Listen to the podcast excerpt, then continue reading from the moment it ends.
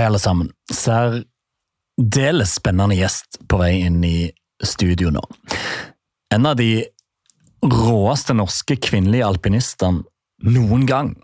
Dama som brøyt 14 års seierstørke i verdenscupen da hun knuste verdenseliten i Santa Catarina i 2016. Og bana og leda vei for norsk kvinnealpint.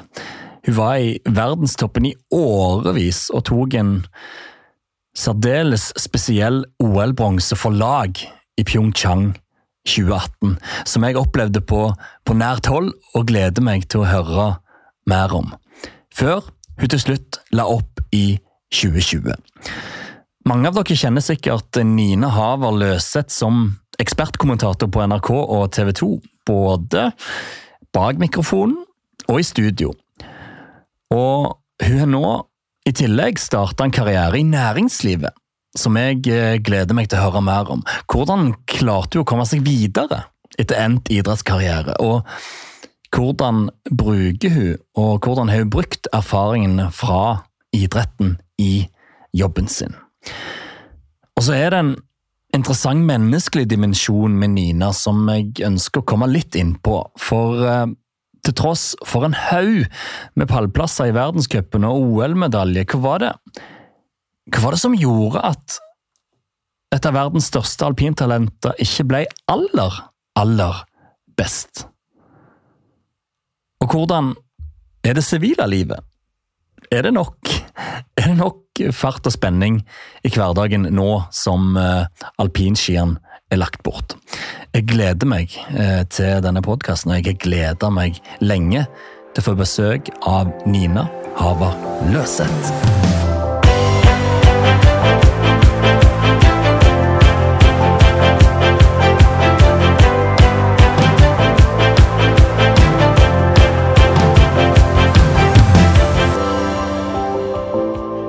Navn?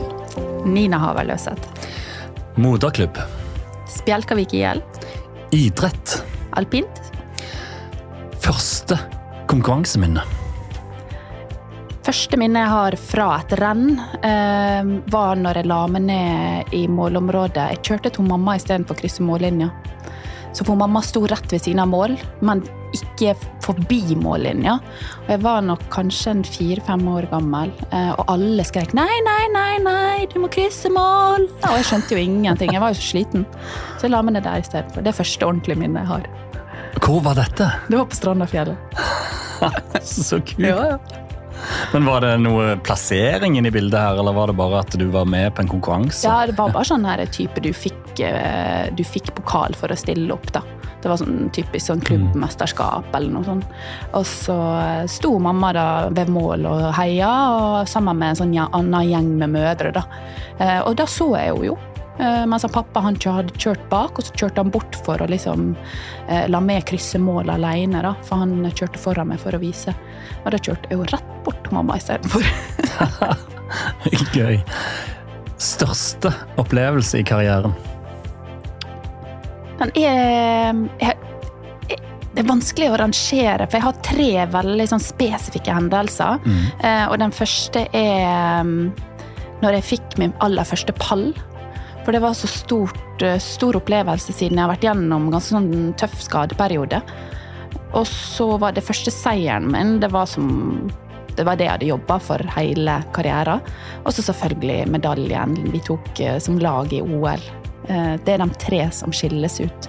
Så jeg klarer ikke helt å velge mellom dem fordi de er så forskjellige og representerer litt sånn eh, Ja, forskjellige tidsepoker og, og um, hendelser, da, egentlig. Men alle er like store. Og det er tre, det er tre fine, fine ting å ha på CV-en, altså. Fy søren for noen opplevelser. Ja, det, det er rart når man tenker tilbake på det. Så er det litt sånn der eh, Det kjennes jo ut som et annet liv. Um, samtidig som Ja, det Det er jo ei boble man lever i som idrettsutøver. Uh, og nå når jeg lever det vanligste livet, sivile livet, så, så kjennes det ut som at det, eh, jeg klarer nesten ikke å huske så godt. Så jeg må skjerpe meg nå hvis vi skal snakke om idrettskarrieren min, for å huske litt sånn detaljer og eh, ting som jeg har opplevd. Og, eh, for det har jo vært fantastisk, men også veldig sånn rart i forhold til hvordan jeg lever nå i dag. Dette, dette sett noen spennende premisser for den neste timen. ja, ikke sant? Ja. Jeg tror vi har mye å snakke om. Ja, jeg tror det. Ja. Hjertelig velkommen til våre vinnere, Nina Haver Løseth. Tusen takk. Den innledningen der, den trigga meg, altså. For den var det stor spennvidd i. For den handla både om ja, det fine første, de store tinga, som òg hadde et stort spenn, og kontrasten til det nye livet. Så eh, hvordan har du det nå? Hvordan går det med deg i 2022, november? Akkurat nå så har jeg det helt nydelig. Jeg eh, lever i et sånn vanvittig kaos. Vi, eh, jeg har fått meg vanlig jobb. Vi pusser opp. Så jeg lager middag på gulvet på ei kokeplate. Og har en liten gutt på, som fyller to i februar, og, som er helt turbo. Men det er nydelig. Og jeg får ikke hverdagen til å gå opp, men jeg elsker det. Det er høyt tempo og veldig annerledes. Eh, restitusjon er ikke-eksisterende i livet mitt. og det er litt rart, for det har det vært i 15 år. Du elsker at hverdagen ikke går opp? Ja.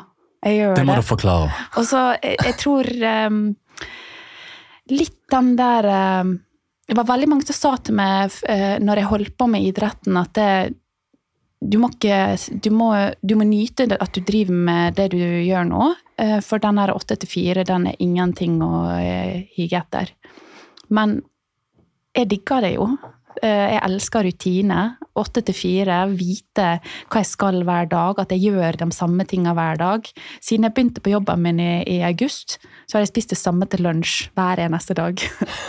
sånn, sånn, lever jeg. Det er sånn jeg elsker. Eh, når jeg, når jeg drev med alpint, så reiste jeg rundt med den samme granolaen og spiste den samme frokosten i fem år. og Veldig sånn sær eh, ved enkelte ting. Men jeg elsker rutine. Og litt, kanskje litt det kjedelige, men at det skal være høyt tempo. da.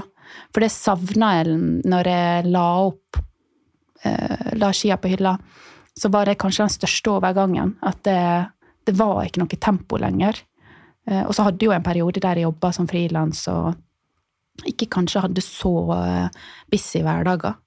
Eh, og det Jeg trives veldig godt med når det er mye, mye å sjonglere. Hm. Men det er jo disse de rutinene du beskriver der, det er jo akkurat det veldig mange av idrettsutøverne frykter. Ja. I sitt liv som toppidrettsutøver. Ja. Det er veldig vanlig å være livredd for de rutinene du har omfavna. Tror det som har redda meg, er jo det høye tempoet jeg har funnet. Så, som egentlig kan være ganske um, Litt stressende å navigere i, men så blir man vant til det, og så finner du litt den hverdagsgleden. Eh, og så har jeg funnet kanskje det aller viktigste etter karriere, og det er tilhørighet. Så eh, Hvor da? På min nye jobb. I Kongsberg Digital. Som jeg har eh, da begynt å jobbe. Og det, der har jeg funnet tilhørighet i, i det som jeg savna i to år etter jeg la opp, da, før jeg begynte der. For jeg begynte bare nå i august. Um, så det var kanskje det jeg kjente på etter karriere. Jeg tror det er mange som også det her A4, men finner du en plass som har, har litt det du ønsker, eh, av både miljø, eh, tempo Det kan hende ikke alle søker det høye tempoet, men jeg liker jo det veldig godt. Så, så tror jeg at det, Og så må man prøve å trives i den nye hverdagen. Det er ikke vits å drive og se seg tilbake. Nei, det kan du si. Men hva er det du gjør i Kongsberg Digital, da? Der jobber jeg i HR-avdelinga med innovasjonskultur og læring. Så det er veldig, veldig spennende. Masse å lære. Eh, veldig trivelige folk. Veldig smarte mennesker som jobber her. Mye smartere enn meg, men eh, jeg får lov å bidra litt, eh, litt, inn med, med, det jeg har lært opp gjennom åra. Ja, du begynte der nå eh, i august, mm. Men du la jo opp i 2020. Mm. Hva gjorde du i de to årene fram til det? Ja, det var det Ja, si det. Jeg jobba jo egentlig Tok litt den her trygge ruta TV-veien. Ja. Som også var veldig kjekt å få, å få jobbe litt på andre sida av idretten og se hvordan det var. Så jeg jobba som eh, ekspertkommentator for NRK og TV 2 mm. som frilanser. Og så jobba jeg også var involvert i prosjektet med å få VM til Narvik. Ja. Um, og så ble jo jeg mamma eh, ganske raskt etter jeg la opp. Så jeg ble jo gravid to måneder etter, eh, etter jeg pensjonerte meg. Så, så det var en veldig sånn fin timing på det, i og med at det også var pandemi. Men um, sett tilbake så skulle jeg jo kanskje venta litt og funnet meg sjøl først, og tatt det i litt annen rekkefølge. Mannen min sa det til meg, men eh, jeg hadde jo gleda meg til å få barn i mange år. Så Det høres ut som du er tida di har fått bein å gå på, da. Ja, definitivt. Så, så men eh, da, da var det Det å finne seg Det å finne seg en plass som, eh, som var Ja, eh, et miljø, rett og slett. Det var viktig for meg, da. Um, så da jo, Jeg jobber fortsatt lite grann med For jeg har en veldig raus både leder og manager og, og sjef. Så, så jeg får lov å jobbe fortsatt litt med alpint, da. Ved siden av det jeg gjør i Kongsberg Digital. Ja, for jobb, er du beholdt TV-jobbinga? Ja, lite Ja. grann. Det er jo ikke så, det er jo litt sånn rettigheter og sånn, Mm. så det er ikke så mye lenger. Men jeg jobber fortsatt litt for TV 2 og NRK. Ja, hvordan syns du det er? Det er jo veldig kjekt. Det er Mm. veldig morsomt. Eh, kunne også ønske jeg hadde litt det perspektivet jeg har nå når jeg er ferdig med idretten. At jeg hadde det når jeg holder på. Eh, fordi eh, da tror jeg kanskje jeg hadde hatt litt lavere skuldre. Eh, for det var jo noe jeg sleit med hele karrieren. At jeg hadde veldig det flink pikk-syndromet. Høye skuldre, prestasjonsangst. Og så kommer du ut av det, og så er det Det er jo ikke så farlig. Det er jo underholdning, egentlig. Hvis vi skal sette det helt på spissen.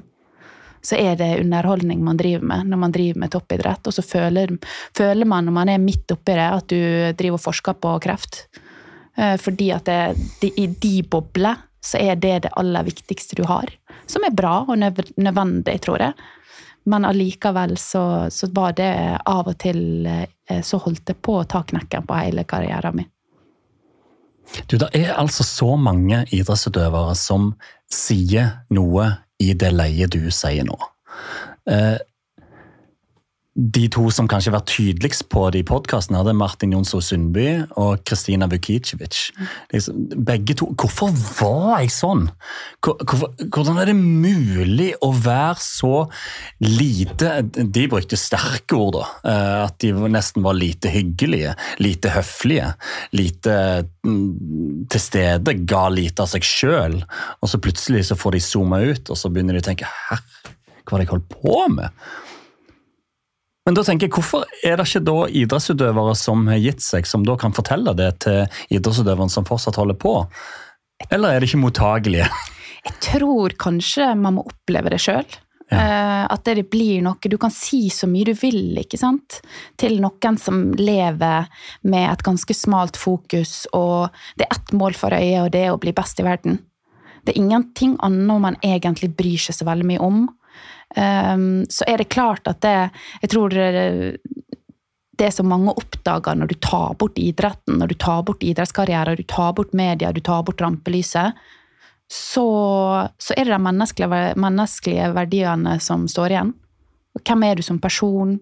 Hva, hva, slags, hva slags menneske er du, rett og slett? Så du blir veldig sånn strippa naken.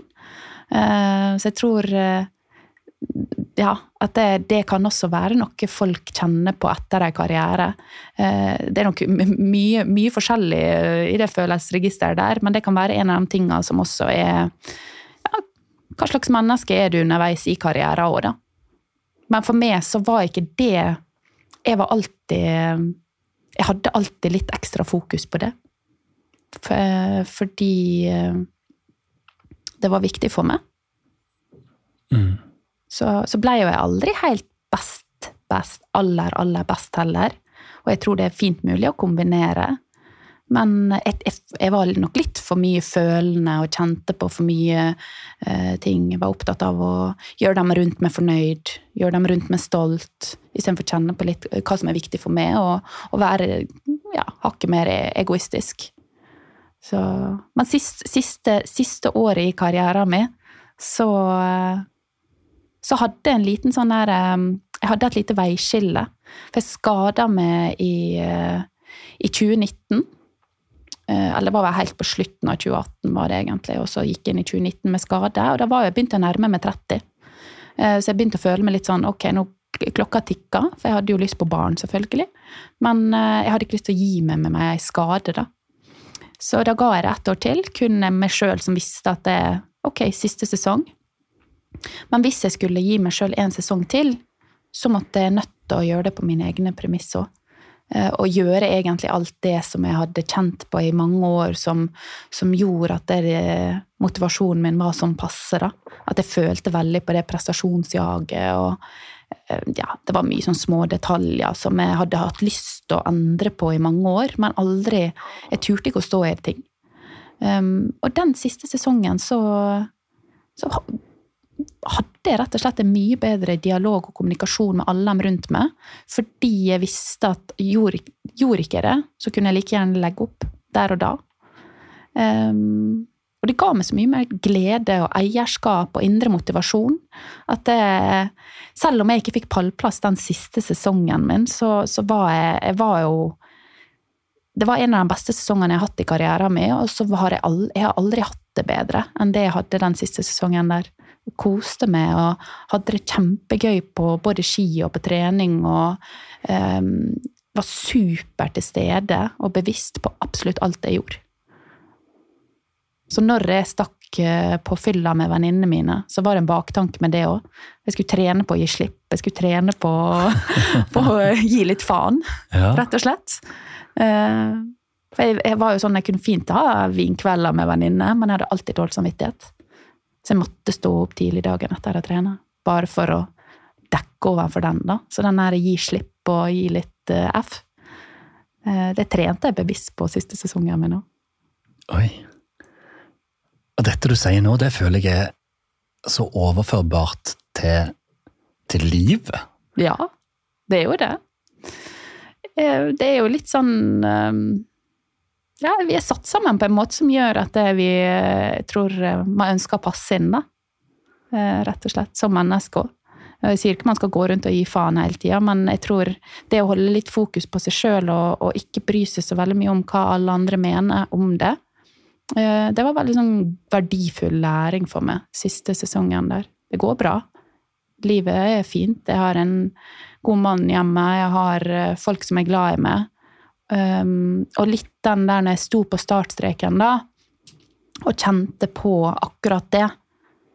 Uh, og vi hadde en sånn her uh, Vi hadde en sånn frase, jeg og mannen min, som jeg brukte. Hvem som bryr seg? Hvem er det som bryr seg? Så han, han brukte å si til meg at Litt sånn for å sette det på spissen, da. Om jeg kjører ut i andre port, så går livet til dem som sitter og ser på videre. Det er ingen som kommer til å gå rundt og tenke på det hele dagen.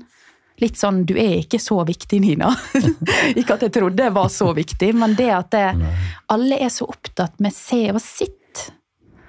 Så, så, det å holde fokus på seg sjøl, og så er ikke det så farlig. Ja, so what? Hvis du kjører ut, hvis du feiler, hvis du, hvis du går på trynet. Det går bra. Det er bare å røyse seg opp igjen, og så går livet videre. Så litt den der eh, ja, litt den innstillinga der, det, det, lærte jeg veldig mye av siste sesongen. Eh, og jeg klarte faktisk å gjennomføre det, følte jeg òg. Eh, og kanskje derfor jeg hadde det bedre med meg sjøl òg. Fy søren.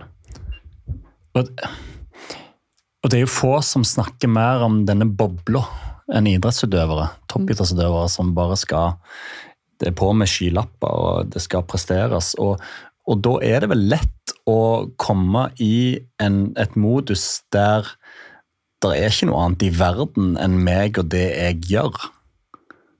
Ja, det, det er Du blir veldig sånn Det, det er jo smalt. Du, du, lever et liv der du skal bli raskest mulig. Samtidig så, så er det den det er noe nydelig med den rutinen og forutsigbarheten, og så har du det ene målet du jobber mot. Ja. Og det, det målet er så rart å tenke på, men det målet jobba jo jeg for i 15 år. Det ene målet. Altså, når jeg tenker tilbake på det, så, så er det den staminaen man har som idrettsutøver, da. At ok, og så går ikke det. Nei, men da røyser vi oss opp igjen, så prøver vi igjen, så prøver vi noe annet. Og så er det det å bli litt bedre hver dag. Så Men den målsetninga i idretten, den er òg veldig rar når den blir tatt bort. For plutselig så har ikke du noe sånn ett mål i sikte, sånn som du er vant til å ha hatt hele livet. Så den, det var en stor overgang når jeg la opp det at ok, men hva er målet nå? Målet er jo egentlig bare å ha det bra i livet. Det var sånn Det var så endring av fokus, da. Eh, og så ble målet å være en bra mamma. Eh, og nå er jeg litt tilbake til den der Nå er målet bare å ja, lære mest mulig. Være en god kollega, være en god mamma, prøve å balansere i livet. Og ha det bra generelt. Så litt, an, litt, andre målsetninger, men også veldig fint. ja.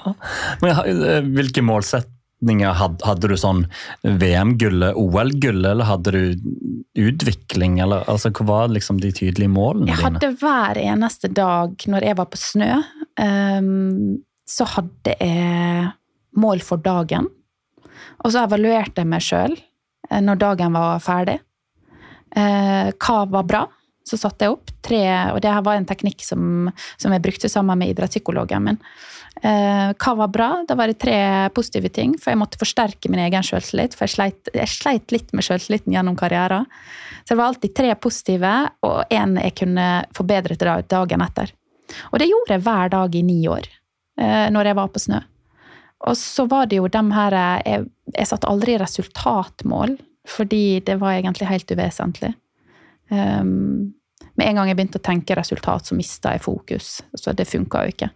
Men jeg, jeg jobba jo hele karrieren for å finne ut hva er det som funka.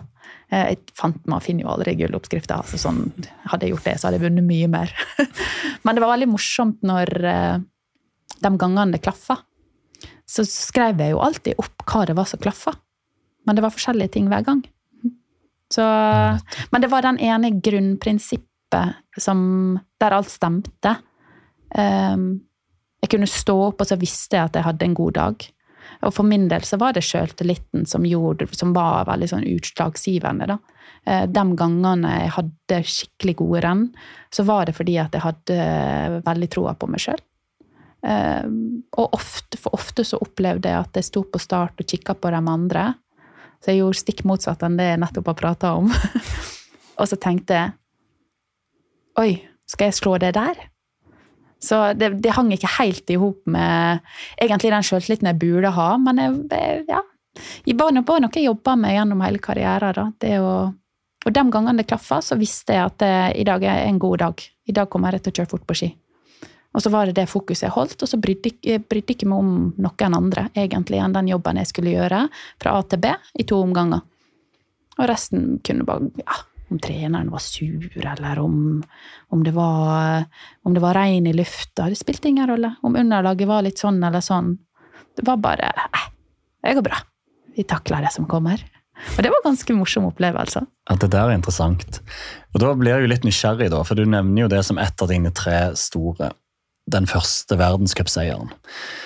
Som jeg husker så godt, Nina. Ja. Fordi eh, jeg ble pappa for første gang i slutten av desember 2015. Mm. Da jobbet jeg i NRK. Eh, og da hadde akkurat lille Ingrid, som nå er sju, straks kom til verden. Og så var vi i eh, Så var jeg da hjemme med Ingrid i leiligheten på Grünerløkka og var ikke på jobb. Så jeg hadde liksom tid til å, å, å se på TV. Og du var i Santa Catarina. 2016-50 januar. Ah, så deilig. Hadde du en snill baby, da? ja, og hun var supersnill akkurat da. Og jeg husker så godt eh, eh, den eminente kommentator Thomas Lærdal som skriker i målområdet hvordan du utklasser konkurrentene! Og du, og du vant med over et sekund. Eh, og du altså var det hele eh, settingen med at Norge ikke hadde vunnet på kvinnesiden siden 2002! Ja. Med Andrine Flemmen i stor slalåm, Og så kommer du, og så bare knuser du konkurrentene.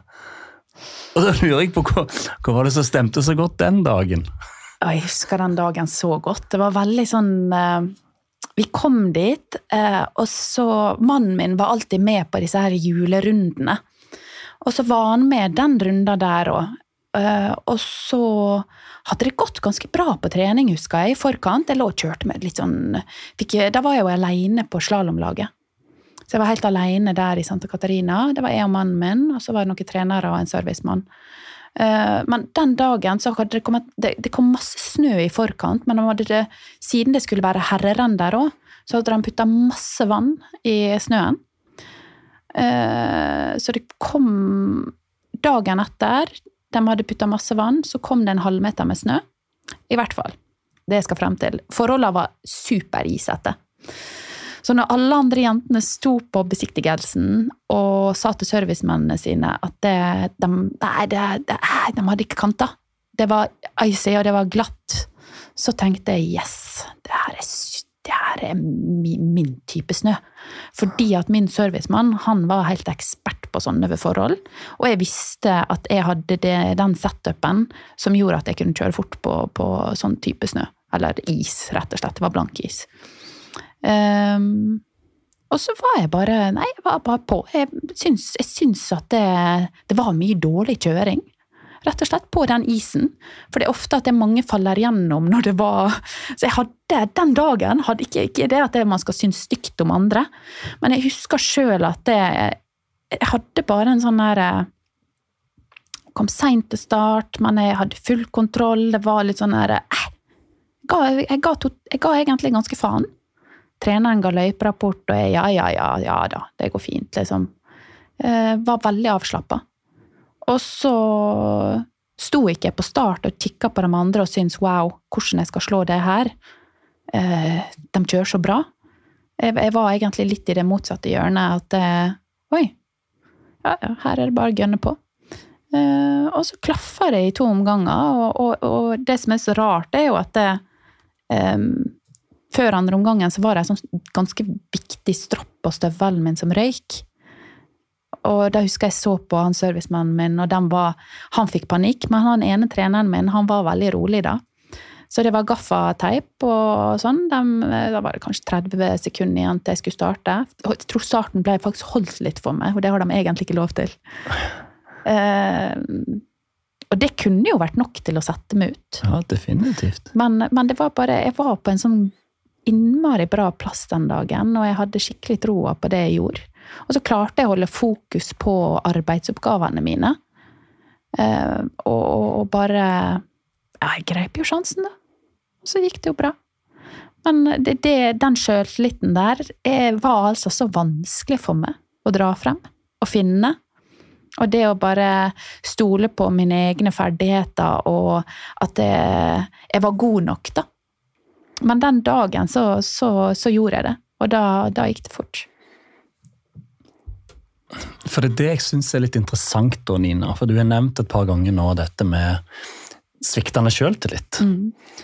Og så er du da den dagen på toppen av verden og fokuserer kun på det du kan gjøre noe med, og bare kjøre på og vinne soleklart. Men hvordan Hvordan kom den sviktende troen på deg sjøl inn? Altså, du eh, Var det 2006 du tok medalje i junior-VM? sant? Og du var regna som en, et av de største alpintalentene i verden, og du hadde verden for dine føtter. Og... Hvorfor er det ikke sånn at en da bare flyter på, på dette? Hvorfor kommer disse elementene inn og setter begrensninger for deg sjøl og din egen mentalitet? Ja, hadde jeg funnet ut av det, så, Ja. så Altså, refleksjonene jeg har gjort meg i etterkant, er jo um, Jeg tror jeg hadde en skadeperiode i ganske ung alder som endra veldig mye for meg. Jeg var ganske bekymringsløs og kom jo tidlig opp i verdenstoppen når jeg var 18 år. Da var jeg ranka ti i verden allerede eh, i så, såpass ung alder. Mm. Og så fikk jeg skade som gjorde at jeg var ute av hele worldcupsirkuset i tre år. Eh, men jeg, jeg, kjørte, jeg kjørte med ei skade i leggen, som gjorde også at jeg, eh, jeg fikk dårlige resultater, mista ranking, eh, kjørte med mye vondt og smerte. Og det var litt da alt begynte å rakne. Eh, og så til slutt så fikk jeg operert og etter mye tjo og hei. Men det er som å spille på Monopol, da, så må du rykke tilbake til start når du begynner å nærme deg toppen. Og så rykker du tilbake til start igjen eh, fordi at jeg mista all rankingen min. Så fra å liksom være ranka topp 15 i verden, så måtte jeg starte som nummer 70 igjen. Og da er det ganske lang vei til toppen.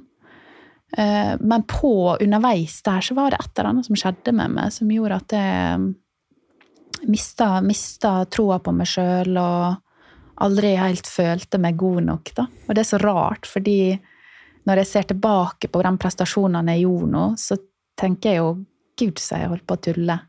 Altså, det var jo helt eh, ja, Jeg vet ikke helt hva som gikk gjennom hodet mitt, men det var bare en sånn der underliggende Underliggende svikt i sjøltilliten min. Som, som jeg òg jobber veldig aktivt med. Da. Jeg jobber jo med idrettspsykolog fra eh, 2012, veldig intenst.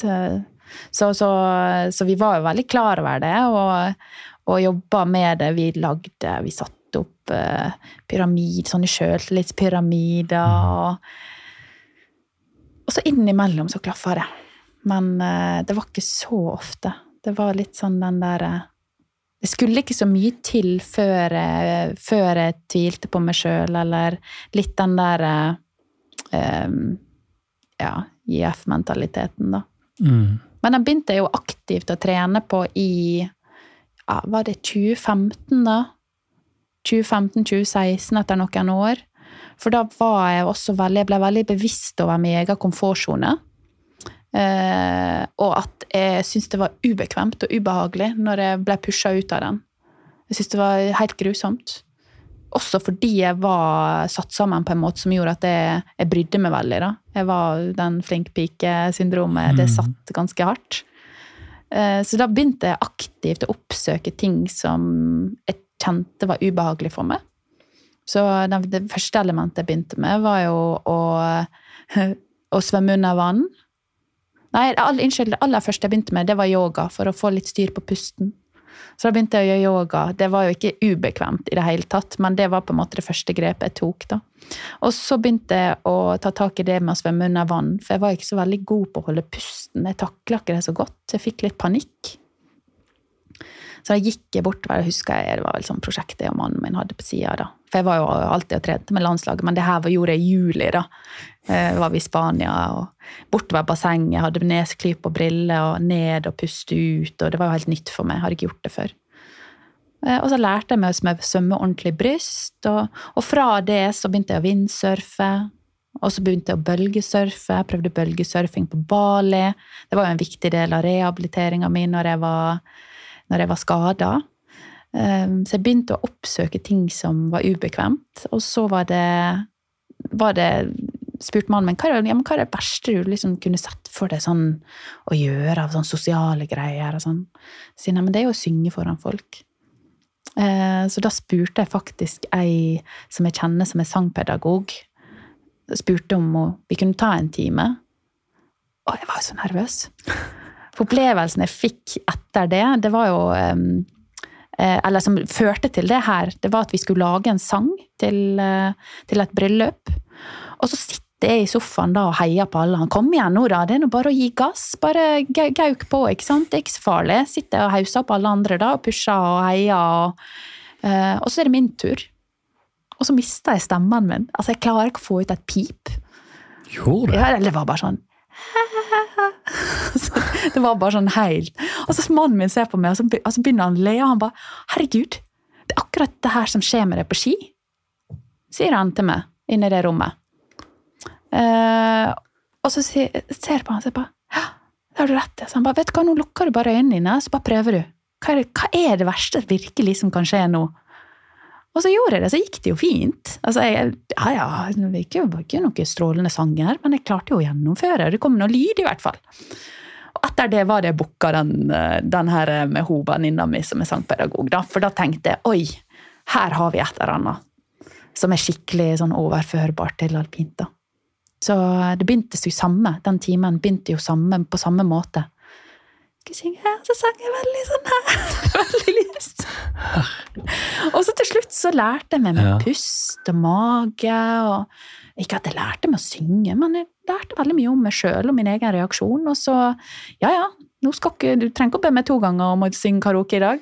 Det er jo ikke så farlig. Bare finne en kul sang, så synger alle sammen med. Dette tror jeg det er så mange som kan kjenne seg igjen i.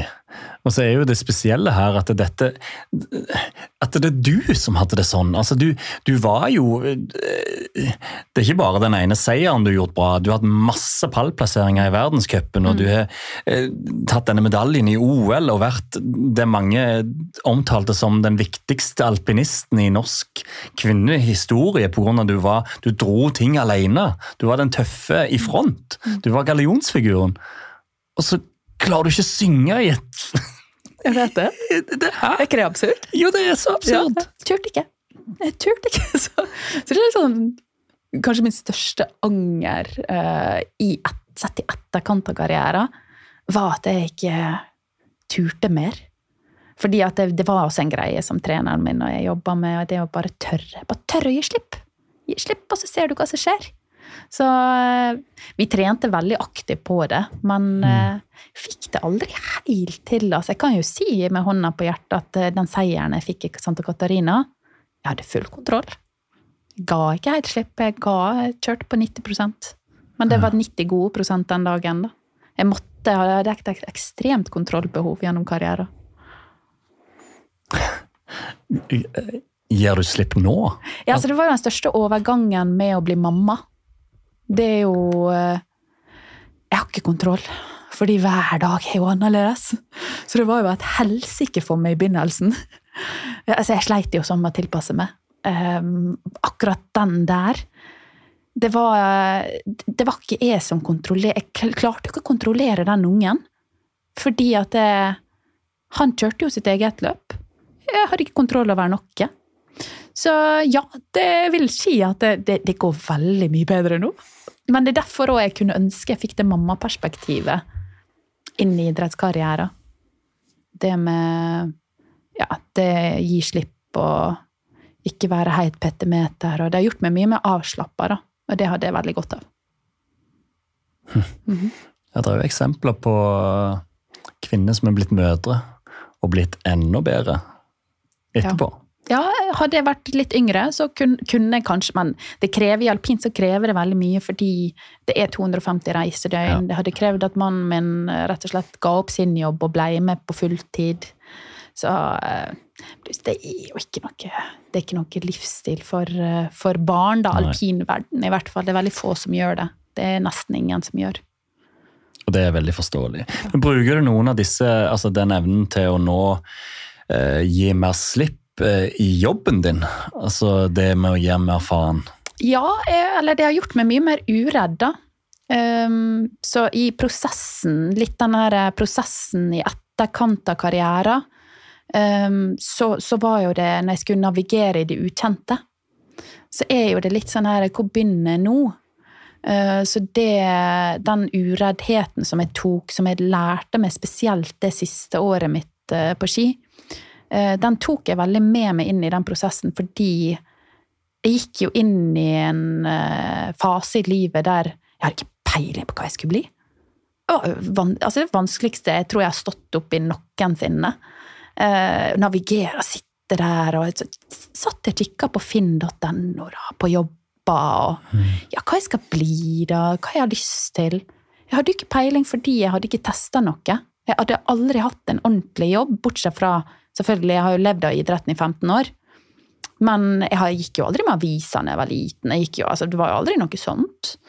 Så, så jeg, jeg visste ikke hva jeg lette etter. Så det var litt sånn å finne nåla i høystakken. Det, var, det virka så enormt stort. Altså det er et hav av muligheter. Så, så da begynte jo egentlig den prosessen med å ja, rett og slett ta opp telefonen og ta kaffe med folk. Sånn at jeg fikk høre litt mer om hva de drev på med, hva bransjer de var i. Så jeg var veldig nysgjerrig på egentlig alt og alle.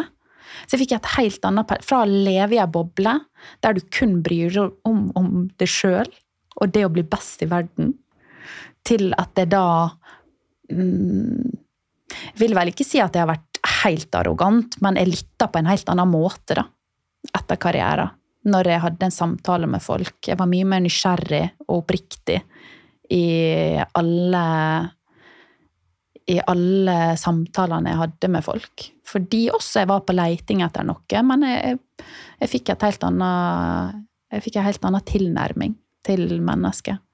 Så, um, så men det å den ureddheten og, og, og det at um, Ja. Ta opp telefonen, rett og slett. Eh, og, og begynne å snakke med folk. Fordi etter karrieren og tror jeg På en måte så tror jeg en del av meg satt og venta litt på at noen skulle komme og servere meg en jobb på et sølvfat. er det lov å si? Det er lov å si, og det tror jeg ikke du har vært alene om. og så er det jo altså ikke noe sånn Det er ikke, altså, det er ikke vondt med altså Det er på en måte ikke sånn Det høres mer arrogant ut enn det er, men ja. det er litt sånn Vi jobber jo tett med sponsorer hele mm. karrieren. Og veldig mange slenger ut kommentarer også som ja, ja, ja, men det er jo etter karrieren, ikke sant. Da må du Men så står du der etter karrieren, så er det litt sånn Vi har levd i alle år med et helt støtteapparat rundt oss. Som har jobba for at vi skal bli verdens beste. Som i seg sjøl er helt sinnssykt å tenke på når man sitter etter en karriere.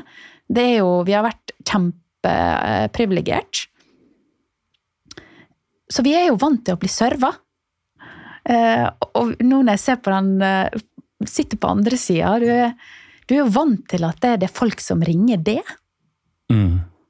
Og så tar du bort idretten, og så blir du litt mer naken. Så blir du bare personen Nina. Da, skal, da må du plukke opp telefonen sjøl. Fordi at det, idrettsutøveren, ja ja, flott og fint det, men nå er jeg en vanlig person på lik linje med alle andre. Altså det jo, og det er også veldig flott og fint.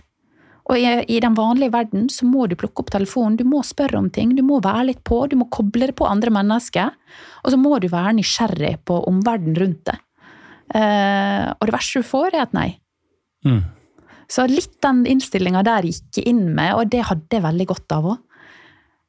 Så jeg satt egentlig aldri og venta på Jeg venta ikke så veldig lenge. Jeg var, liker jo selvfølgelig en måned, jeg ga meg et par måneder pusterom. Og så begynte jeg å snakke med folk, og så ble jeg mamma, og så tok jeg litt pause fra livet. Tok litt mammaperm og jobba litt med TV og sånn. Og så ja, øh, søkte jeg et par jobber, da.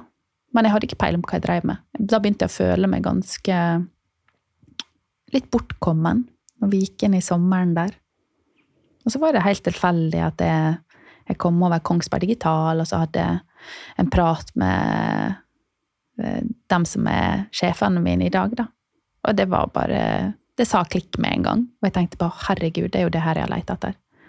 Litt språket de prater, og metodikken, og deres verdier, og, og, og måten de jobber på. Så de snakka egentlig idrettsspråk inn i næringslivet, og det var, det var så godt for meg. Ehm, jeg var i en annen prosess også samtidig, men, ehm, men det, var, det, var en, det var akkurat som at det bare falt på plass. Men da hadde jeg vært på ganske lenge, da. Jeg hadde mange kaffe, for å si det sånn. Men jeg famla Altså, jeg brukte jo Jeg sparra med folk, da. Det gjorde jeg. Over en lang periode. Også for å finne, bli litt klokere på meg sjøl.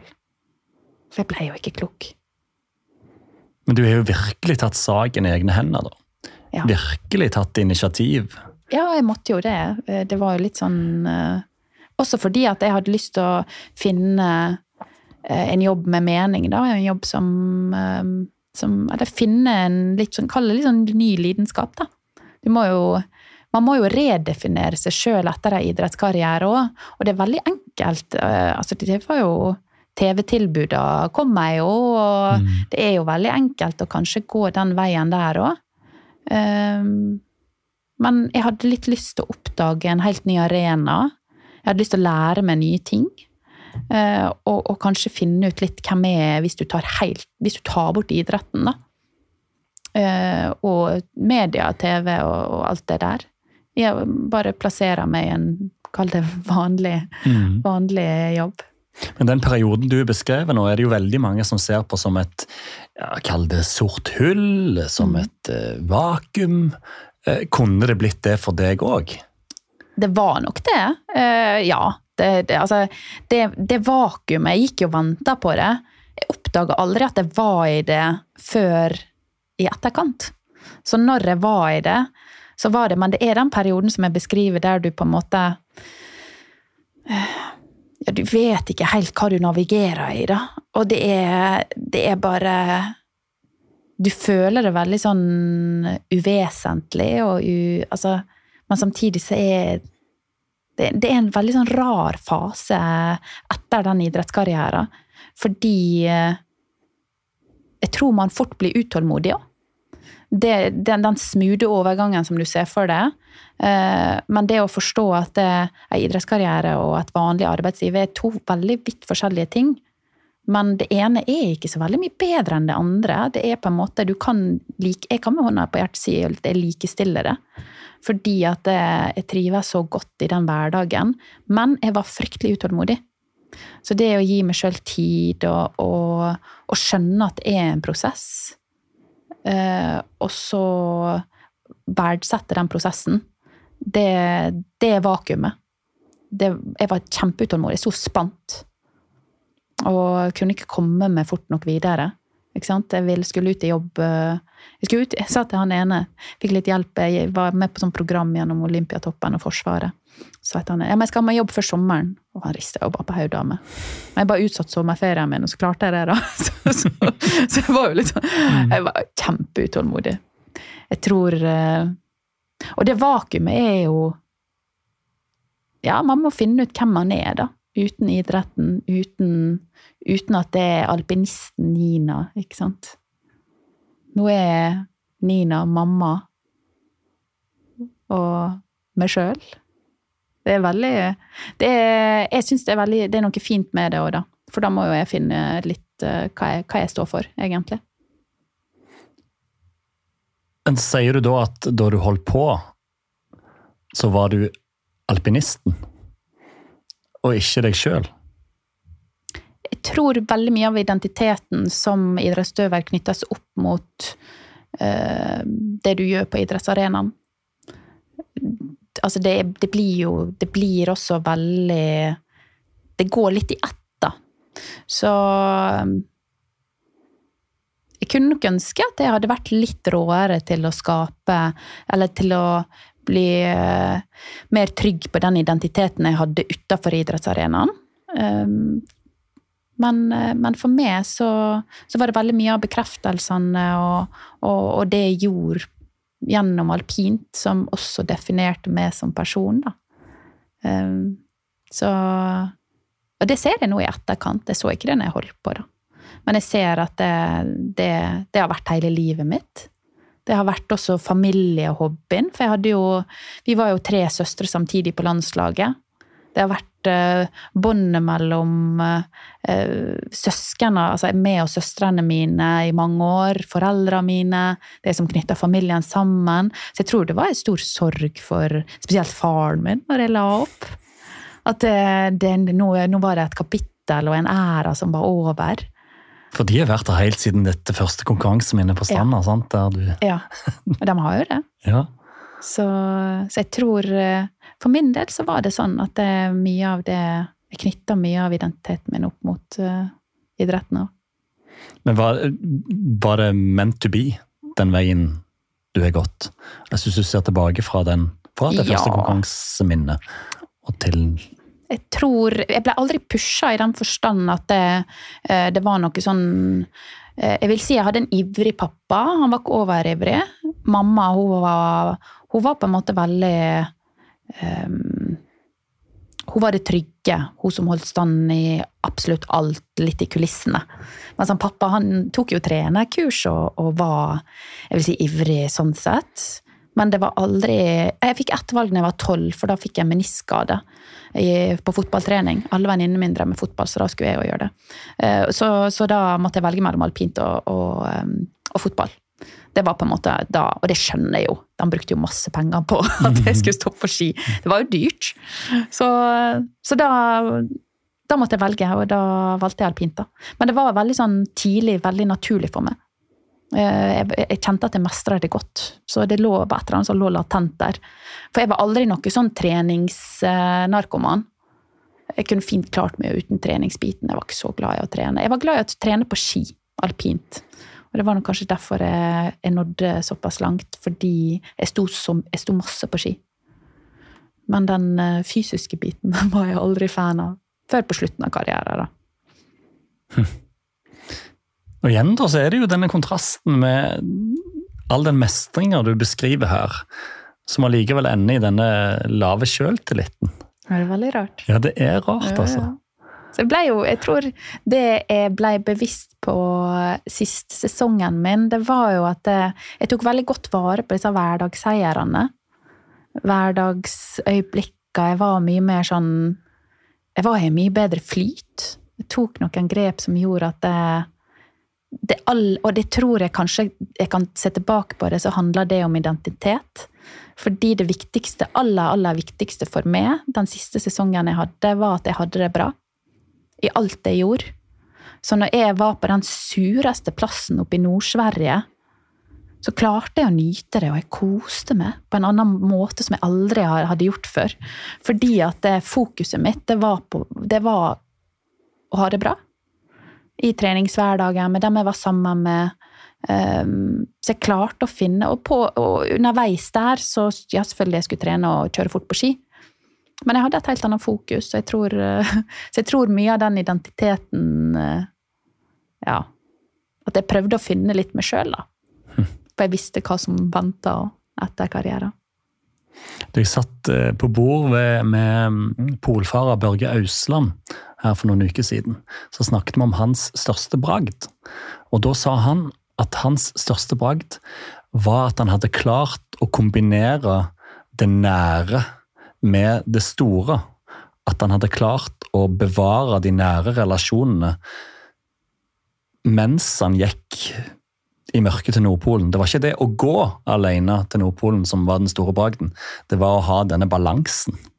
Og det er den balansen du beskriver litt nå. Ja, altså jeg er jo også Altså det er litt det som egentlig var viktig for meg, da. I bunn og grunn. Um, gjennom karrieren også. Jeg var veldig Det var viktig for meg å bygge et lag på damesida. Det var viktig for meg å, å ha det bra, og eh, relasjonene klarte jeg for så vidt å bevare. Jeg hadde jo en mann som venta på meg, som var tålmodig. Um, så, så det, er, det er jo generelt en viktig del i livet. Det er jo relasjoner. Hva er det vi ser tilbake på hvis, jeg, hvis noe skulle skjedd i morgen? Bank i bordet, én, to, tre. Men eh, hva, jeg, hva vi hadde sett tilbake på da, det er jo litt sånn satt på spissen. Det er jo, det er jo ikke 'Å, for en fantastisk karriere jeg hadde'. Det er jo litt sånn Det er jo relasjonene. Så ja, hvis man klarer jeg, jeg syns jeg klarte det ganske bra å bevare kontakten med Vi er samme venninnegjengen fra barneskolen. Jeg er ikke helt sosialt uh, merkelig, bare litt. så, så, men det er, det er superviktig. Det er som sagt. Det kan bli veldig smart fokus òg. Og så baner du, som du sa, du baner vei for um, kvinnealpint. Og så var det en opplevelse jeg hadde med deg som jeg tror beskriver litt hvor viktig lag er for deg, da. For det Jeg tror faktisk jeg skal vise det til deg. Og så skal jeg, hvis jeg får lov av deg, legge det ut på Instagram-kontoen til Ja. våre vinner. For det, jeg var medaljeintervjuer i Pyeongchang. Oh. Det var jeg. Det husker sikkert ikke du. Men For du, du har jo fortalt at det var et av dine tre store øyeblikk. Og da var det laggull i parallellslalåm, Mm. Og- Det er bransje. Ja, lagbronse. Ja. Ja, lag, lag medalje. Eh, og den eh, Den gleden og den eh, du var i etter den medaljen, den glemmer jeg aldri. Du var så lykkelig. Ja. Og, du, eh, på, og på vegne av lag og prestasjonen Og, Ja. Så Se her nå. Oi, der gikk han av. Skal vi se, får dette til her, da. Gitar. Du, det blir greit å reise, det blir greit å reise hjem nå, Nina. Det blir nydelig. Nei, det blir godt. Men først skal vi spise middag sammen. Så skal vi kanskje ha en drink sammen. Det er fortjent. Spjelkavik, ja. Ja, men det er jo eh, 50 spillkarriere. Besteforeldra til han Leif vokste opp i Mo gate, skjønner du. Mye greier det. Er det du som eier den?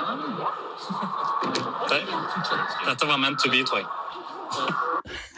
Altså, det var noen som var klar på fest, i hvert fall. Det var meg. For å si det sånn, jeg gikk rett fra festen til eh, bussen. Det var så vidt jeg rakk flyet. Men husker vi Så det var en bra fest? Ja, det var en nydelig fest. Det var altså så. Men jeg tror akkurat den dagen så var det som at det, hele karrieren min falt litt på plass, fordi når du er alpinist, så, så har du et lag, selvfølgelig. Du får, du får eh, du får feire, men allikevel så var det du sjøl som sto for den individuelle prestasjonen fra A til B. Altså, det, men den lagkonkurransen der, så var det en prestasjon gjort sammen som lag. Eh, Så vi fikk dele det på en helt annen måte.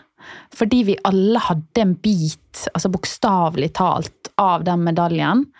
Eh, Så det å kunne Altså, det var jo som at det du ganger altså Hvis jeg skal sammenligne, da, så var det som at det gleden når jeg gjorde det bra individuelt, selv om jeg hadde et helt team i ryggen og vi var et lag, men den kunne jeg gange med seks den dagen der, for vi var seks stykk på laget, fire som kjørte da.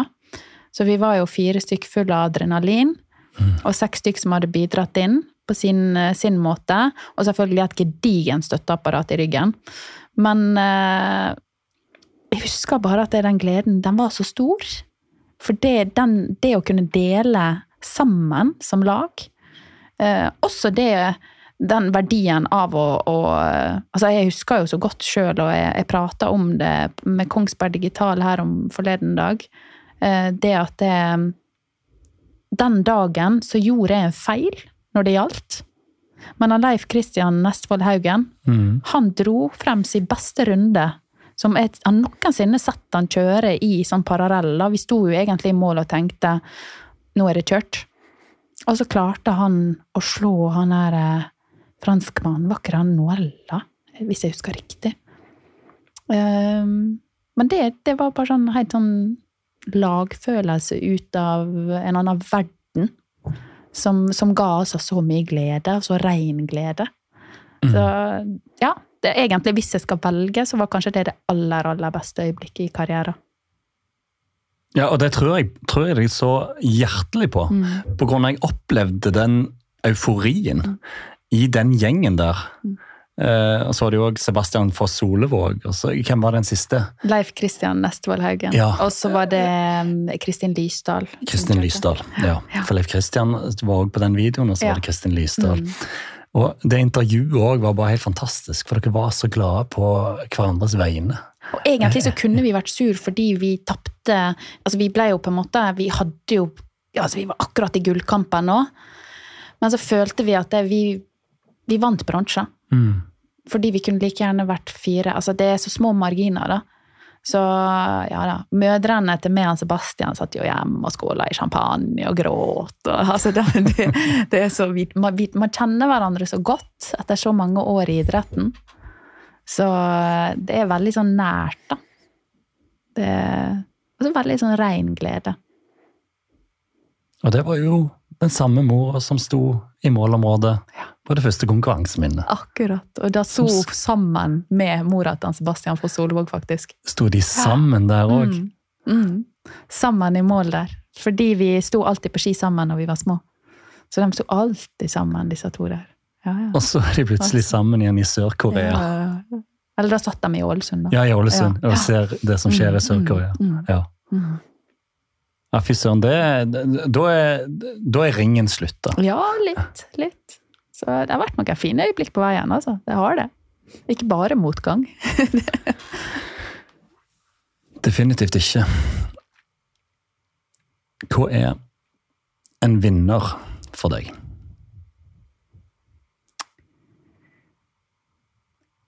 En vinner for meg, det er mm, noen som Egentlig, det er litt sånn klisjé, men uh, hvis du klarer å gjøre motgang til læring um, Så er du en vinner. Det er en vinner for meg. Uh, å være en god lagkamerat, det er en vinner for meg. Være et godt menneske.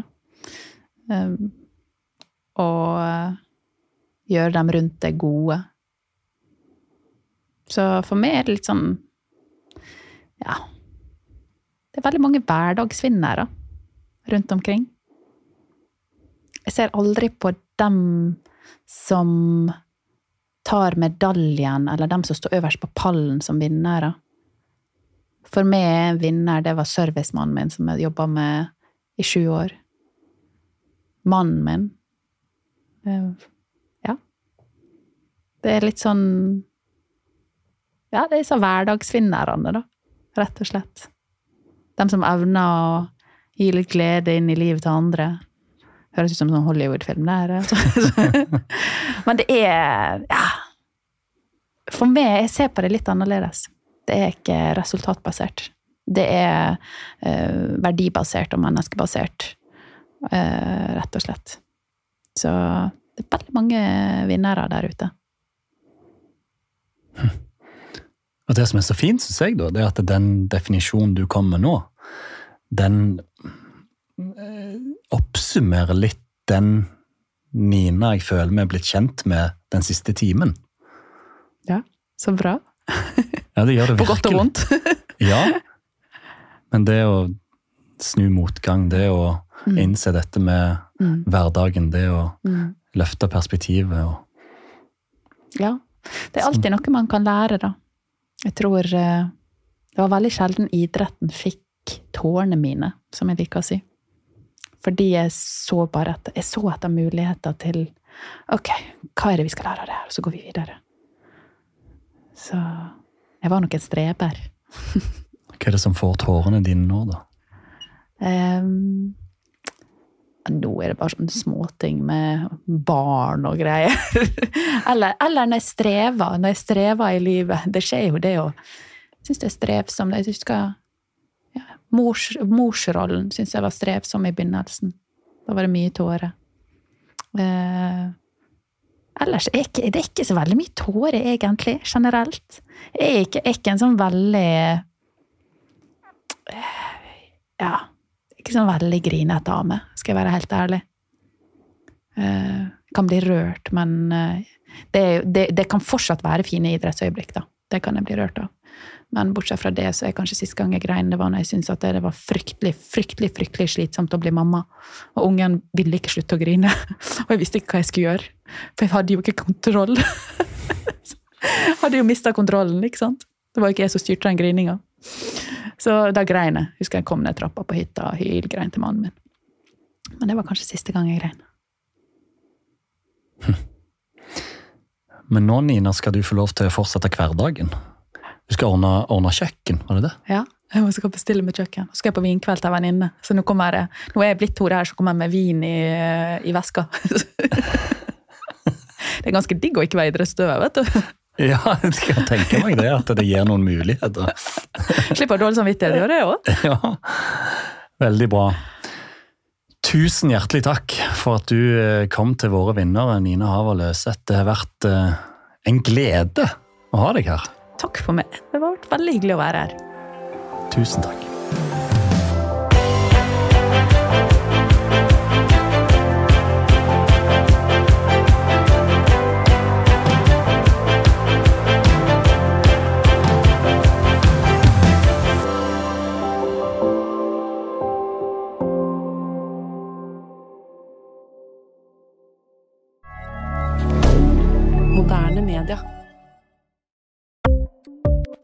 Ukens annonsør er Folio, en smartere banktjeneste for deg som har en egen bedrift eller ønsker å starte for deg selv. Folio er en superenkel nettbank for bedrifter. Som kunde i Folio får du en bedriftskonto med et bedriftskort og app.